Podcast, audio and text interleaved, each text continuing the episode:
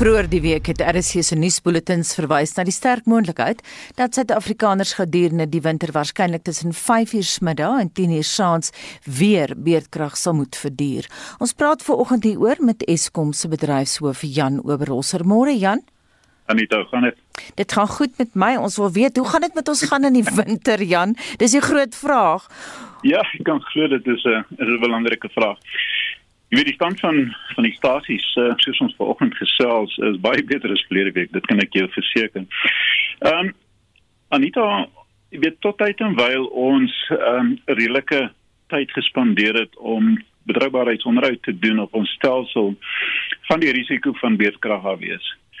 Nou jy weet om om weer ag om om betroubaarheidsonderhoud te, te implementeer beteken jy weet dit beteken nie net jy kan jou voertuig vat en hom vinnig in die in die motorhawe vat en en hulle doen wat hulle moet doen nie. Jy weet 'n kragstasie is 'n baie komplekse uh jy weet vervaardigingsaanleg of opwekkingsaanleg en dit neem gewoonlik 'n redelike hoeveelheid tyd om dit te beplan en dan natuurlik om die om die onderhoud op uit te voer. So ons is besig met daai onderhoud, uh, hard besig. Ons het nou ons is besig met die tweede trans. Uh, die eerste trans is agter die rug waar ons 'n paar van die eenhede uit uit uitgehaal het en en onderhoud gedoen word. Ons is nou besig met die tweede trans. Die derde trans sal hierso in September begin.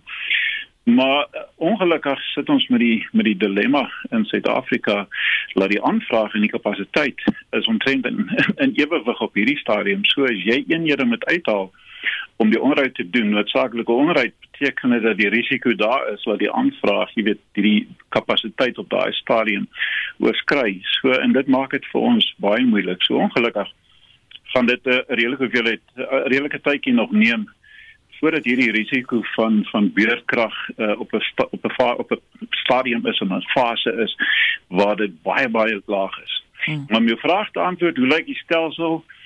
Ons uh, kom elke oggend die kragstasie bestuurders, die hele generasie leierskap, eh, kragstasie bestuurders en myself by mekaar elke oggend 5:00 ons kyk na die stelsel.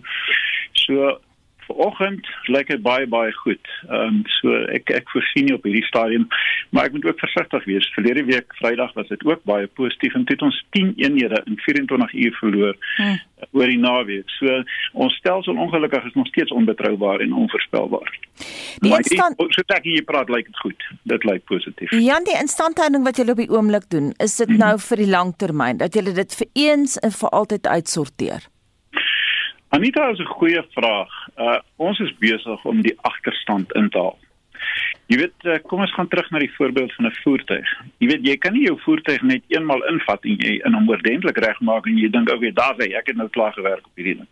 Dis 'n aanhoudende proses. Jy weet, as jy 'n voertuig het, dan sê daai vervaardiger van die voertuig vir jou, "Jong, jy kan jy het nou my voertuig uh, uh, gekoop, maar dis hoe ek voorstel en aanbeveel jy hierdie voertuig moet na kyk in terme van onderhoud ensovoorts. So ons is ek wil dit herhaal, ons is besig om die agterstand van van onderhoud uh, in te haal en wat ons dan beoog om te doen en en dis vir my nie is debatteerbaar nie. Is dan op die pad vorentoe is om aanhoudend hierdie onderhoud te doen. Laat ons nie onsself weer bevind in 'n in in 'n situasie waar jy jy onder uh, die onderhoud verwaarloos en dan sit jy met 'n ongelooflike agterslag. So dis waar ons is.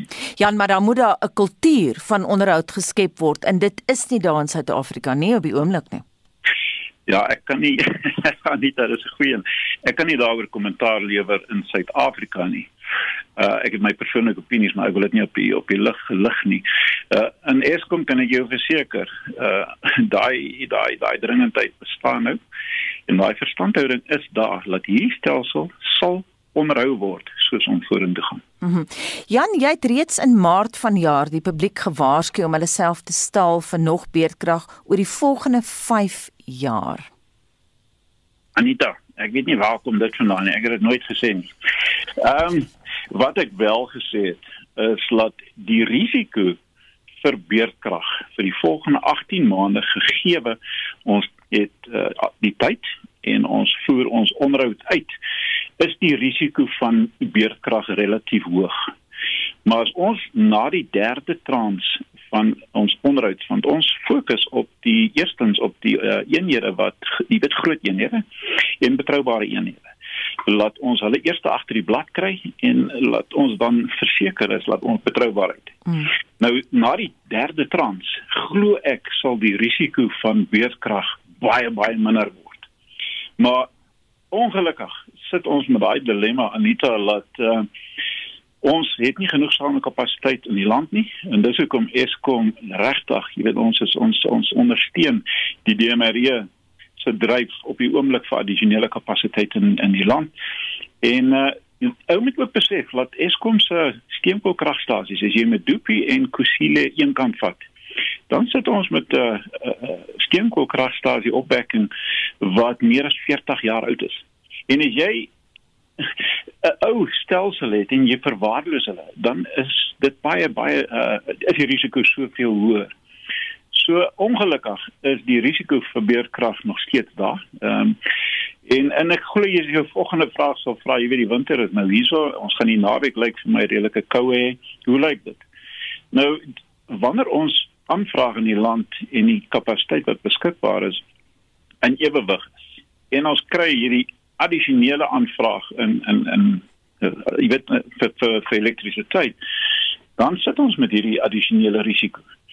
Maar ek glo nie die risiko is daar soos wat almal op die oomblik sê dat dit elke aand sal gebeur tussen 5 en 10. Mm.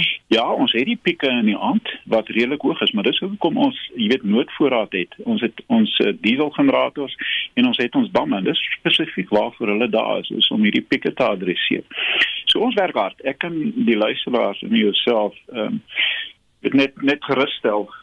Laat ons werk redelik relatief hard. Ons het baie toegewyde uh, personeel, jy weet kollegas wat ek het. En ons besef die verantwoordelikheid wat ons het en ons mandaat tot die tot die tot die elektrisiteitsvoorsienings van die land. En ons werk hard. Maar ja. is 'n ongelukkige agterstand wat ons moet inhaal. Jan, daar is 'n vraag wat ek wil vra want ons kry ja. dit van baie van ons luisteraars af. Daar's baie luisteraars wat glo dat julle kragstasies word doelbewus gesaboteer, onder meer oor die geskille met die vakbonde en so aan. Is daar sprake van sabotasie? Anita weer eens 'n sensitiewe vraag. Ehm um, Kom ons gaan 'n bietjie terug. 3 jaar terug toe ons industriële aksie gehad het, uh, was daar sabotasie ons spesifiek kendelkragstasie.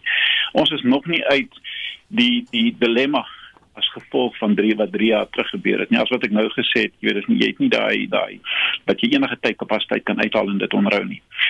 So ek ek vertrou regtig ek vertrou dat uh, almal sal besef dat as jy onverantwoordelike dade pleeg wat die impak is nie net op Eskom nie maar op die land en 59 miljoen mense.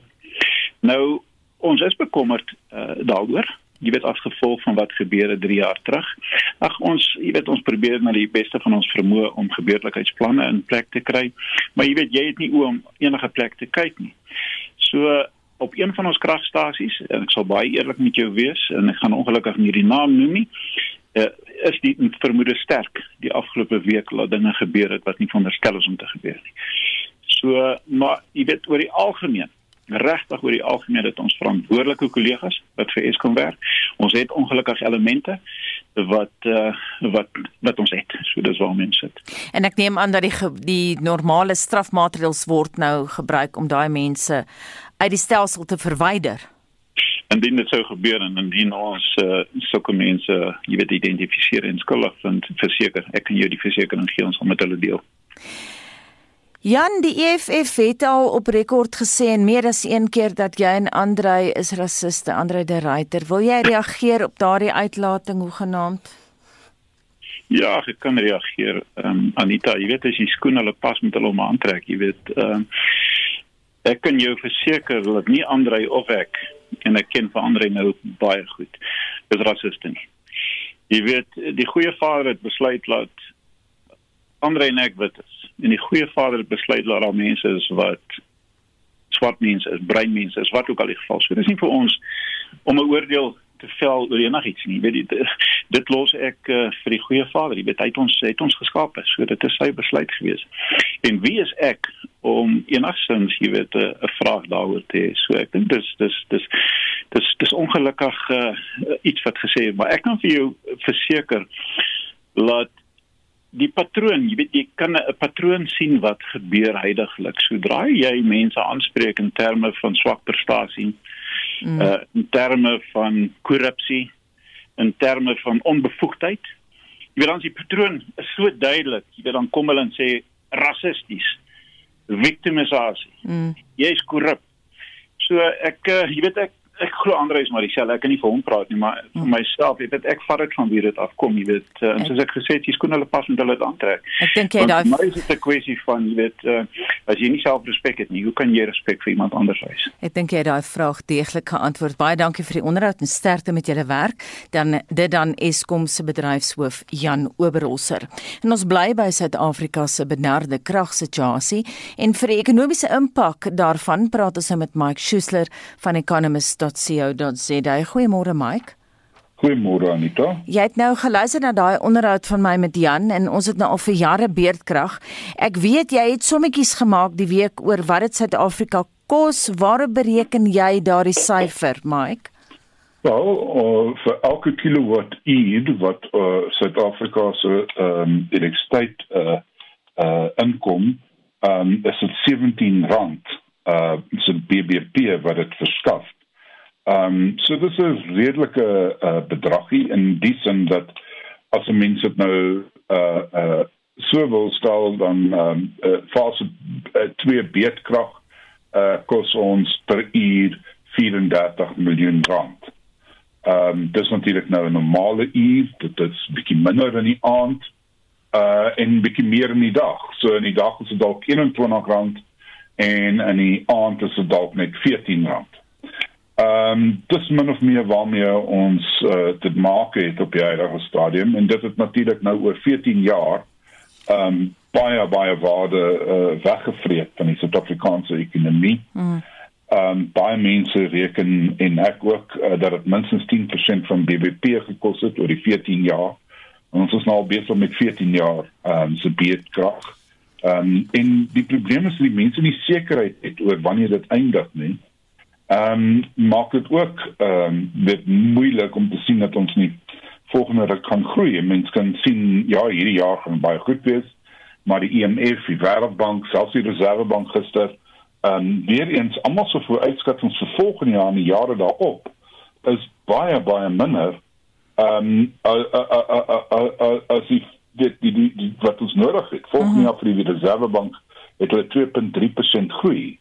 Ehm um, dis 'n baie stadige groei in 'n wêreld wat 4.5% groei. Ehm um, so dit met dit daar gelaat. Watter bedrywe is die swaarste getref? Wel, ek sou sê mynbou is uh uh redelik swaar getref. Uh fabriekswese is baie swaar getref vir al die swaar fabriekswese met ander woorde mense wat uh smelters het soos aluminium, ehm um, chemikalieë ehm um, die die petrochemiese bedryf word hard getref.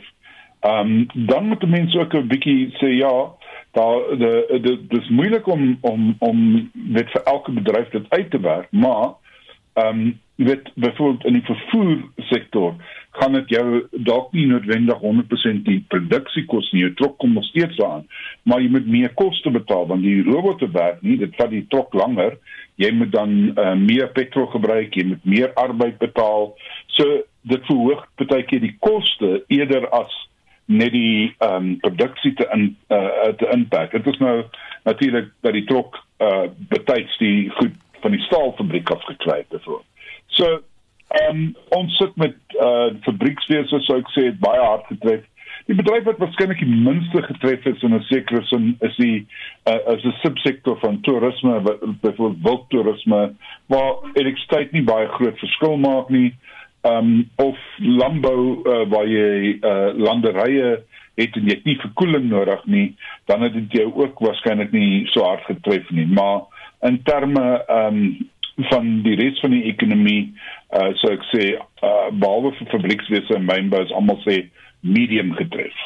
As dit nie was vir beerdkrag nie, hoeveel groter sou ons ekonomie vandag gewees het?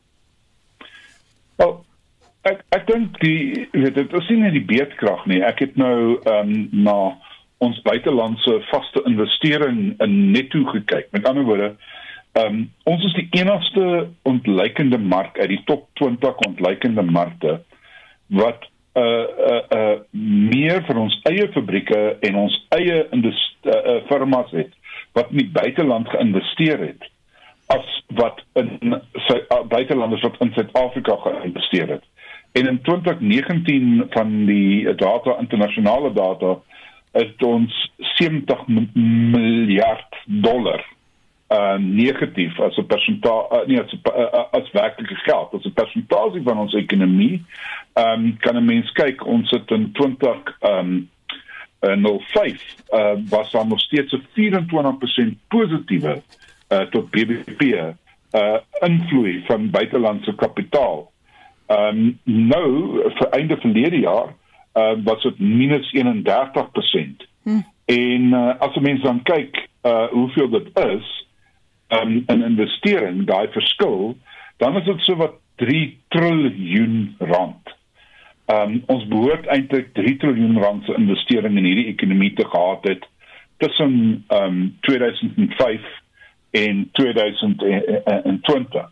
En 'n mens kan sien veral van 2010 hoe daai ehm um, investering verdwyn het. Dit het al reeds 'n bietjie afgeneem teen 2010, maar veral van 2010 waar ons nog op 22% was uh van BBP uh netto vaste investering in Suid-Afrika deur buitelanders waar dit nou netto disinvestering is van Suid-Afrikaanse firmas van 31%.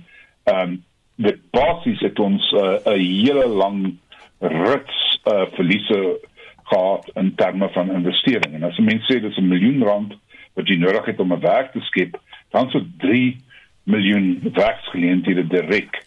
Dit is nie net natuurlik elektrisiteit wat hierdie uh veroorsaak het nie, dit is ook die veral in die tweede helfte van die uh, uh, uh, laaste dekade wat dit ook korrupsie uh, en besluit 'n uh, uh, uh, verkeerde besluite wat uh, regerings neem. Mm. Maar 'n baie groot gedeelte daarvan is natuurlik elektrisiteit. So as jy dit so kyk, dan kan 'n mens sê het ons regtig waarskynlik meer as 10% van ons ekonomie verloor. 10% is waarskynlik die die minimum en die werksgeleenthede wat ons verloor het, waarskynlik nie net die 3 miljoen nie. En dis 'n baie groot syfer, ek besef dit. Ehm um, maar indirekte werkskepping sou jy dalk by 4 4.5 miljoen uh werksgeleenthede gekom het. So hierdie is 'n baie baie baie slegte situasie. Suid-Afrika het nog nooit in sy hele geskiedenis selfs in die sanksiejare met 'n minus 31% netto ehm um, dis investering gesit nie. Hm. Ehm um, dit is uh, ongelooflik wat besig is om te gebeur.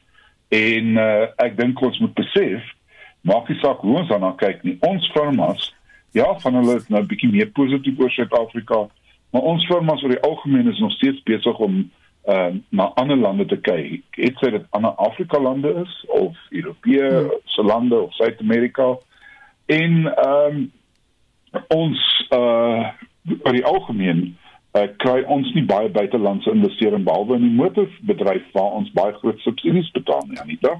Baie dankie en so sê Mike Schuessler van economist.co.za. Ons het nou in die hooftrekke verwys na die feit dat Kaapstad gereed maak vir 'n toename in oorstromings veral in die informele woongebiede. Ons luisteraars vraag vanoggend geskoei oor die welkome reën, maar ook stormwinde en hoë seeduinings. Wat is die reaksie van luisteraars Madeleine? Aneta, ons gaan eers hoor wat ons uh, luisteraars op WhatsApp gesê het. Daar is mense wat sê dat dit nog nie by hulle gereën het nie, maar dan is daar ook gebiede wat reeds skade gelei het. Hier is wat ons luisteraars sê. Dis William hierso van Ekroleni. Ons het nog nie reën gehad nie, maar dit is bietjie koud daar buite. Die windjie waai, maar nog nooit enige skade gehad nie. Okay, ja, net een keer die groot haal wat ons gehad het, my deels van die dak, maar verder is dit net bietjie koud. Is my Baberdien. Ons het nogal skade gehad, 'n verskriklike, verskriklike windstorm gehad. Dit was bloedrooi. Ons het by sekere gebiede gisteraand was die was die krag af. Kragdrade het afgewy. Bome het omgewy en waaroor ek baie hartseer is, die olyfboom wat jare gelede deur Wyle Dominee Wewe geplant was by die groot kerk, het ook in die slag gebly. Nie regtig reën nie. So paar druppels net om die grond nat te maak. Maar die wind was baie erg en vrees aan ja. Op WhatsApp skryf Marius uit Oudtshoorn, hulle het gister so 7 en 7 mm reën ontvang. En dan op die SMS-lyn skryf Naomi uit Dwarskersbos in die Weskus, hulle het 'n hele 23 mm ontvang en sy sê dis baie water in die strate en die Sandveldboere agter hulle het so 30 mm reën ontvang. En sy sê hulle almal juig saam oor die reën. En dan laat weet Stefan en Rico van ons uit Oudtshoorn, ehm um, die afgelope 2 weke het hy 13 mm, 7 mm, 4 mm en gister 6 mm gemeet. Dit is daar by die kerk by die moedergemeente wat hy dit gedoen het. En dan ehm um, laat weet Edward Stika Maretjies op Facebook. Ons is verskriklik gelukkig in Richmond kry ons nogal gereeld lekker reën sonder enige skade wat aangerig word. Jy het nog tyd tot so 8 uur se kant om vir ons jou terugvoer te gee. Of ons 'n SMS stuur by 45889 dit gaan jou R1.50 kos. Kan saampraat op Monitor en Spectrum se Facebookblad. Jy kan ook 'n WhatsApp stemnota stuur na 076 536 6961. Dis 076 536 6961. Ons praat nou met Pieter van der Berg oor die naweek se sport. Pieter, goeiemôre. Môre sê Anita. Kom ons skop vir oggend se rugby segment af met gister se Waseti beker uitslaa. Ja, daar was vyf wedstryde gespeel, almal nog daar by Tikkie se velde in Pretoria. Nou Antjies klop vir die Noordwes Universiteit met 42-36. Die Universiteit van die Weskaap reken af met CET 60-19. Tikkies behaal 'n groot oorwinning oor die Madibas 75-0. Maties klop vir UJ met 49-14 en dan die Shimlas reken af met Wits die telling 42-34. Vandag in die tras uh, die Trans-Tasmaniese rugby reeks speel die Hurricanes om 5 oor 9 teen die Rebels en die Western Force kom om kwart voor 12 teen die Highlanders te staan. Môre is daar drie wedstryde geskeduleer. Die belangrikste is wanneer die twee onderskeie wenners van die Seeland en die Aussie Super Rugby kompetisies te mekaar uitdraf. Dis om kwart voor 12 die Reds teen die Crusaders. Hier in Suid-Afrika is dit die Reënboogbeker wat daar weer twee wedstryde is wat geskeduleer is. Nou die wedstryde word môre vroeër gespeel as verlede week. Die Sharks speel om 1:00 teen die Stormers in Durban en Dion Skuman sal gereelde verslag 'n verslag doen oor daardie wedstryd. En dan die tweede wedstryd is om 04:30 môre middag, die Lions teen die Bulls in Johannesburg en Johan Tormalen sal agter die mikrofoon wees vir verslag. Dan is daar ook goeie nuus vir die Springbokke aan. Hierdie aan die rugby kampioenskap begin in Augustus met twee tuistoetse teen Argentinië en daarna sal die Bokke dan na Australië reis vir twee wedstryde teen die Aussies en twee teen Nieu-Seeland. En dan die reeks begin dan op 14 Augustus en die laaste wedstryde word op 2 Oktober beslis. En dan gaan ons na golfsake en sedert gister moet ek sê Pieter hou ons almal duim vas vir daai 11 Suid-Afrikaners wat aan die Amerikaanse PGA toernooi deelneem. Hoe lyk sake nou? Ja, ek moet jou sê 'n goeie eerste ronde vir Suid-Afrika. Dit is natuurlik die ehm um, tweede van vier major toernooie wat jaarliks gespeel word. Die eerste major is in April afhandel, dit was die Amerikaanse meesters uh, daar op Augusta wat deur Adeki Matsuyama gewen was. Nou van Jan se PGA toernooi word op die Kauai eiland in South Carolina in die VSA gespeel. Nou na die eerste ronde is daar 40 spelers wat binne 3 houe van mekaar aan die bopunt van die voorlopersbord is, maar dit sluit ongelukkig die voorloper Kanada se Connie Collins uit want hy's op 500 sommer 2 houe voor die ander spelers. Daar is ses spelers op 300 wat Brooks Kopa Brooks Kepka insluit. Suid-Afrikaanse Brandon Grace, hy's op 200 syfer, dan word net 3 agter die voorloper. Christian Besuitnout op 100, so ook Louis Oosthuizen, dan Erik van Rooyen, hy's gelyk aan syfer. Dylan Fratelli op 1 oor as ook Gary Kigu. Dan die vroue is in aksie in die PSL kampioenskap in Virginia en na ronde 1 is Wing Liu Zhu die voorloper op 500 syfer. Suid-Afrikaanse Paula Retta, Retta sy is op 2 oor en sy is in die 72ste plek. Kom ons kyk 'n bietjie na tennis. Waar word die tennisrakette hierdie week geswaai? Ja, dis die monstertoernooi daar by die Genève Open in Switserland. Nou die eerste keerde in eh, die ronde van 16, Roger Federer reis daar uitgeskakel. Nou gister in die kwartfinale was daar oorwinnings vir Casper Ruud, eh, Pablo Aduyar, Denis Shapovalov, asook Pablo Kevas. Hy het met Grigor Dimitrov onder meer afgereken. In die dubbelspel goeie nuus vir Suid-Afrika, Ryan Klassen en Ben McLaughlin, hulle is 30 keer, hulle het met Marin Cilic en Andrei Gubelev afgereken en die telling daar 6-3 en 7-6. En dan by die Emiliano Romagna Ope in Italië, is dit Sloane Stevens wat in die kwart eind maklik klaar gespeel het met Sara Irana, die telling daar 6-3 en 6 stroop. Pieter Sedert motorwedrenne se terugkeer na die baan is ons gelukkig om naweek na naweek of motors of motorfietsse of selfs beide in aksie te sien. Hoe lyk hierdie naweek? Ja, jy's baie reg. Verlede naweek was dit MotoGP wedrenne, die naweek is dit weer Formule 1. Nou, dis een van die gewildste bestemmings vir Formule 1, dis die Monte Carlo Grand Prix. Dan in Monaco Nou Charles Leclerc, hy daar in sy tuisdorp die vinnigste tyd opgestel gister in die eerste oefenronde. Ja, hulle het sommer op donderdag begin. Vrydag is 'n rusdag daar en hy en sy Ferrari was die vinnigste met Carlos Sainz in die ander Ferrari tweede vinnigste, Lewis Hamilton in 'n Mercedes derde met Max Verstappen vierde en Valtteri Bottas in die ander Mercedes in die vyfde plek. Die hoofring begin Sondag, dit sal om 3 uur wees daardie wegspring. Op die jongste punte leer is natuurlik Lewis Hamilton gemaklik voor met 94 punte met Max Verstappen in die tweede plek hy 80 punte agter sy naam. Pieter die fokus van sokker verskuif môre weg van die gereelde Premier Sokkerligas in Engeland en Suid-Afrika. Waarna kan ons uitsien? Ja, dis so meer uh, hoe sê dit die fokus wat daar nou op die Engelse kampioenskap is. Nou môre is dit Brentford teen Bournemouth, daar die wedstryd om 0:30 en Swansea en Barnsley, hulle sal om 0:30 môre kragte meet. Hier in Afrika is die fokus op die CAF kampioen uh, kampioenliga. Nou daar is twee Suid-Afrikaanse spanne môre in die tweede been van die kwart eind in aksie. Hier in Suid-Afrika speel Sundowns om 3:00 teen Al Ahly. Daardie wedstryd is belangrik vir Sundowns. Hulle is 2-0 agter en dan uh, daar is Salam. Dis waar die tweede wedstryd afgehandel word. Simba teen Kaizer Chiefs en Chiefs het 'n voorsprong van 4-0 op die eerste been. En dan Anita vanmiddag in Spectrum sal Shaun Jose terug wees met meer sportnuus en Jody Hendricks is môre middag agter die mikrofoon vir RSG Sport van 3 tot 6 en ek sal weer 'n naweek aktueel met Marietta gesels. Baie dankie en so sê Pieter van der Berg. Internasionale nuusgebeure, die hoofstorie vanoggend is die skietstilstand wat vanoggend 1 uur aangekondig is tussen Hamas en Israel en Heinrich het meer daaroor. Heinrich Anita, ja, jy het met professor Abel Estreise vroeër daaroor gepraat en ons het dit ook in ons nuusbulletins gedra. Dit is naamlik dat hierdie uh, skitstilstand wat hoofsaaklik deur Egipte bemiddel is, dan nou vroeg vanoggend in werking getree het en dit kom na meer as 'n week se bloedige konflik wat die lewe van nagenoeg 250 mense geëis het. Die skitstilstand is deur Hamas bevestig kort nadat die Israeliese kabinet van hul kant af 'n einde aan van aanvalle op die Gaza-strook aangekondig het.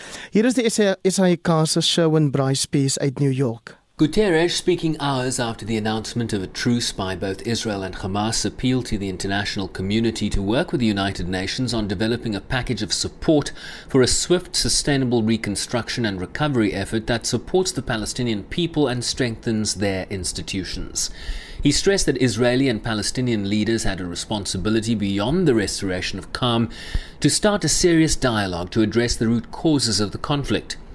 Earlier, US President Joe Biden called the truce a genuine opportunity to make progress while committing himself to working towards that goal. He also promised to help Israel replenish its supply of interceptor missiles for its Iron Dome protection system and to working with the Palestinian Authority, not Hamas, to provide humanitarian aid to Gaza.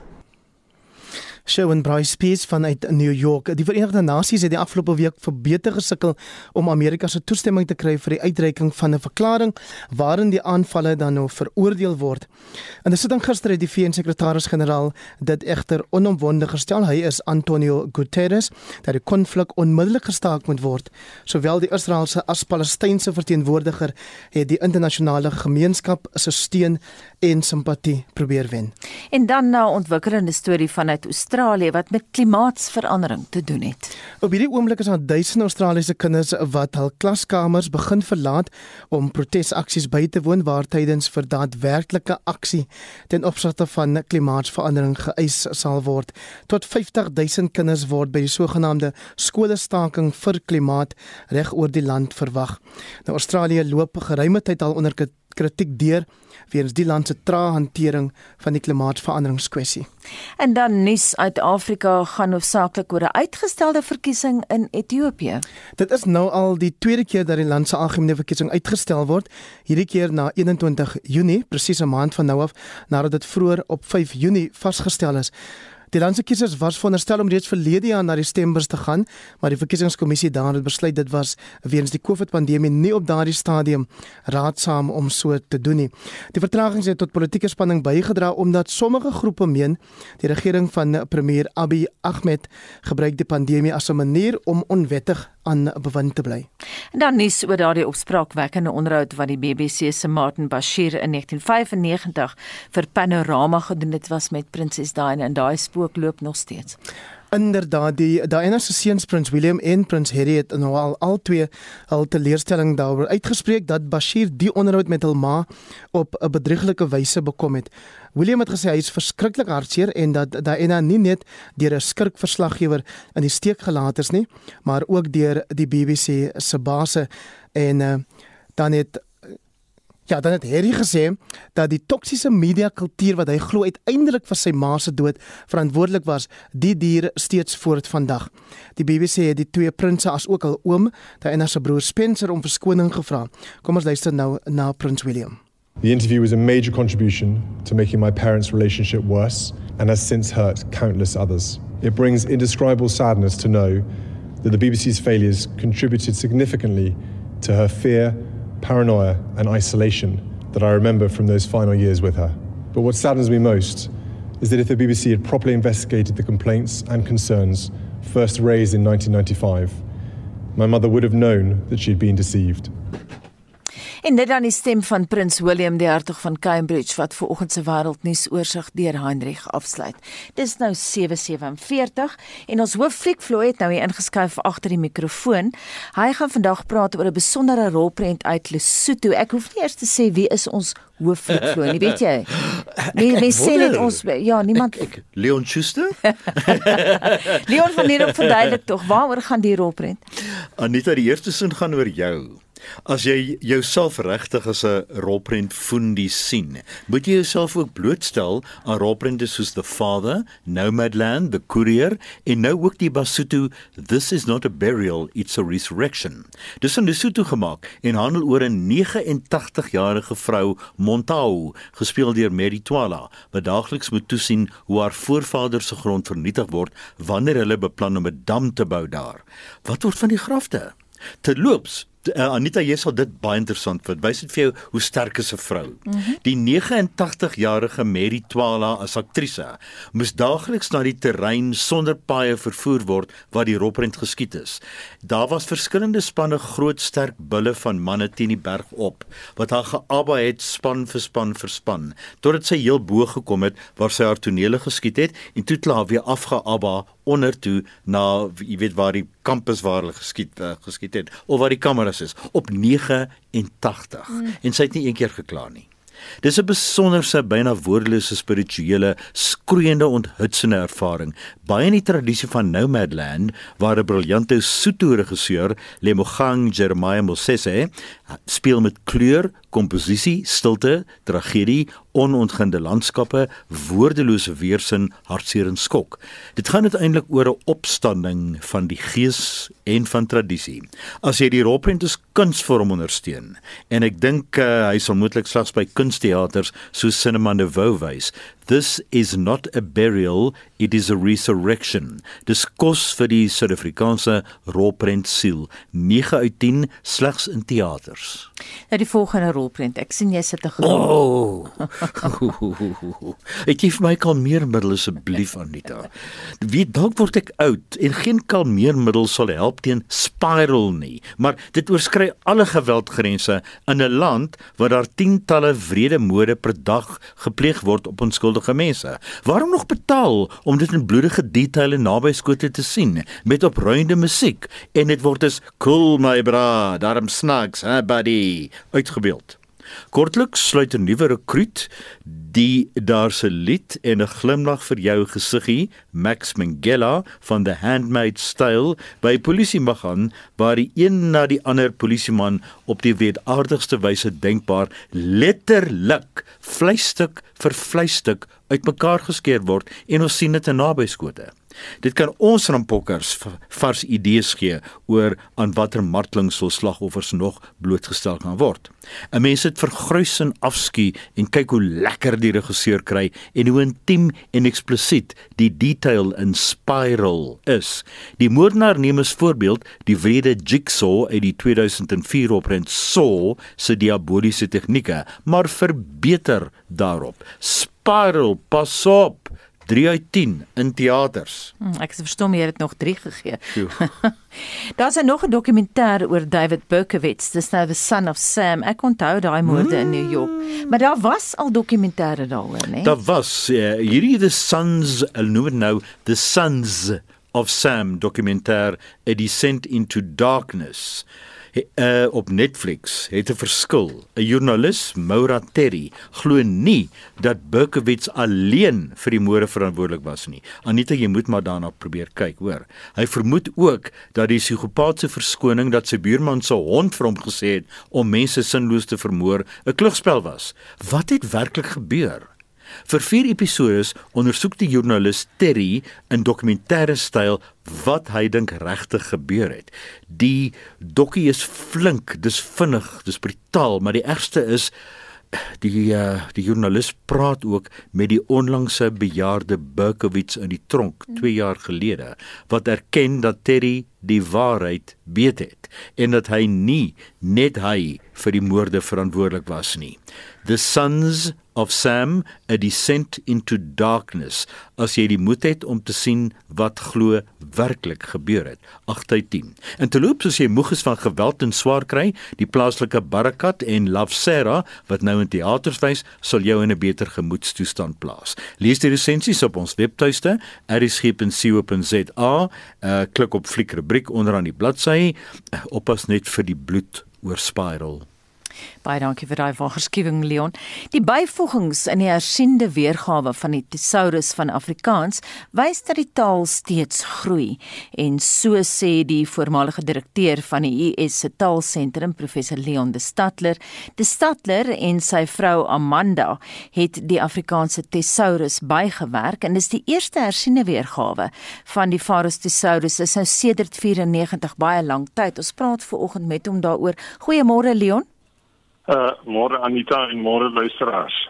Verduidelik net vir luisteraars wat presies is 'n thesaurus? Nou goed, ek, ek, miskien kan ek vir die luisteraars eers sê jy mens ken meestal woordeboeke uh as boeke waarin woorde alfabeties gerangskik is. Uh die thesaurus is presies anders op daai punt. Uh dit rangskik woorde op grond van hulle betekenisse bymekaar in sogenaamde konsepvelde. Miskien is die maklikste om dit te verduidelik om 'n voorbeeld te noem. So gestel byvoorbeeld ons dink aan die konsep vrees. Dan gaan jy onder vrees in die thesaurus gaan jy woorde bymekaar kry soos bevreesdheid, beangstigheid, angstoestand, sterwensangs, lekker woorde soos wilde weghol, stuipe, liberasie, uh, papbroekigheid, ritteltits, aapstuipe, horripiek, piep ensovoorts. En ek dink ek dink luisteraars kry onmiddellik 'n gevoel wat die woordeboek doen. Is hy sit woorde bymekaar wat wat betekenisverwant is. So sinonieme gaan bymekaar staan, maar ook ander verwante woorde en op die manier help dit jou om die regte woord vir die regte konteks te vind. Leon, hoekom nou eers 'n hersiene weergawe? Dit is 'n lang tyd van 94 af.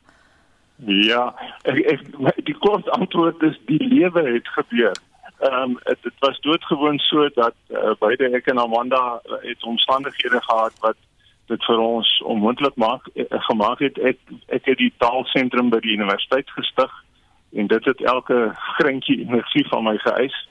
Maar dit was wel uh, tog lekker om uiteindelik by die hersiening uit te kom. So dit dit was dit was fantasties jou indruk is dat die taal groei. Ja. Ehm um, kyk een van die pragtige dinge van so 'n lang periode voordat ons hersien het met al sy nadele natuurlik daarbey is dat dit vir ons 'n venster gegee het op hoe 'n taal kan groei in so 'n tydperk van 20 of meer jaar. Ehm um, Afrikaans is springlewendig en dit bruis. Uh die nuwe woordeboek net om 'n idee te gee bevat 20000 nuwe inskrywings. Hmm. Ehm um, so die die taal is letterlik van dag tot dag uh besig om te groei, besig om nuwe woorde by te voeg in taalskat. Dink nou maar net aan die woorde rondom die pandemie, jy weet wat nou die afgelope tyd uh die taal binne gekom het. Uh, dit dit dit lewe die hele tyd en dit, dit is eintlik fantasties. Leon gee vir ons 'n paar nuwe woorde waarvan jy baie hou. dit is ek ek gaan vir jou ek gaan ek gaan vertel dat ons byvoorbeeld woorde uit die variëteite van Afrikaans opgeneem het. Uh so ek noem 'n paar van hulle wat wat regtig uh, uh gunstelinge is. Uh woorde soos anderlik, uh ontus, oralster pimp kom vandaan. Boom en kolpetaks vandag. Uh 'n woord so sterk gevreet vir iemand wat sterk van gees is dis sulke lekker woorde wat nou ook uh, in die tesourus voorkom en wat ook erkenning gee aan verskeidenheid in Afrikaans. Baie dankie en uh, wonderlike projek wat julle daai het. Dit dan professor Leo uh, Leon Liewer de Stadler wat saam met sy vrou Amanda die hersiene weergawe van die tesourus van Afrikaans saamgestel het. My maand is luister hiervoor pre-eclampsie maand. Ek kyk nou na Leon se gesig, ek weet ook nie wat dit is nie. En hierdie Saterdag is wêreld pre-eclampsie dag. Nou Willem Botha praat vooroggend oor hierdie woorde. Eclampsie is 'n siekte toestand by swanger vroue, gekenmerk deur hoë bloeddruk, 'n hoë proteïenuitskeiding deur die niere en breinaantasting met konvulsies. 'n Verouderde sinoniem vir eklampsie is nierstype. Pre-eklampsie is 'n potensieel gevaarlike siekte wat in eklampsie kan ontwikkel wat tydens die laaste deel van swangerskap voorkom en gekenmerk word deur hoë bloeddruk en tipies met vogretensie, abnormale gewigstoename en die aanwesigheid van proteïen in die urine gepaard gaan. Aldus die Woordeboek van die Afrikaanse taal.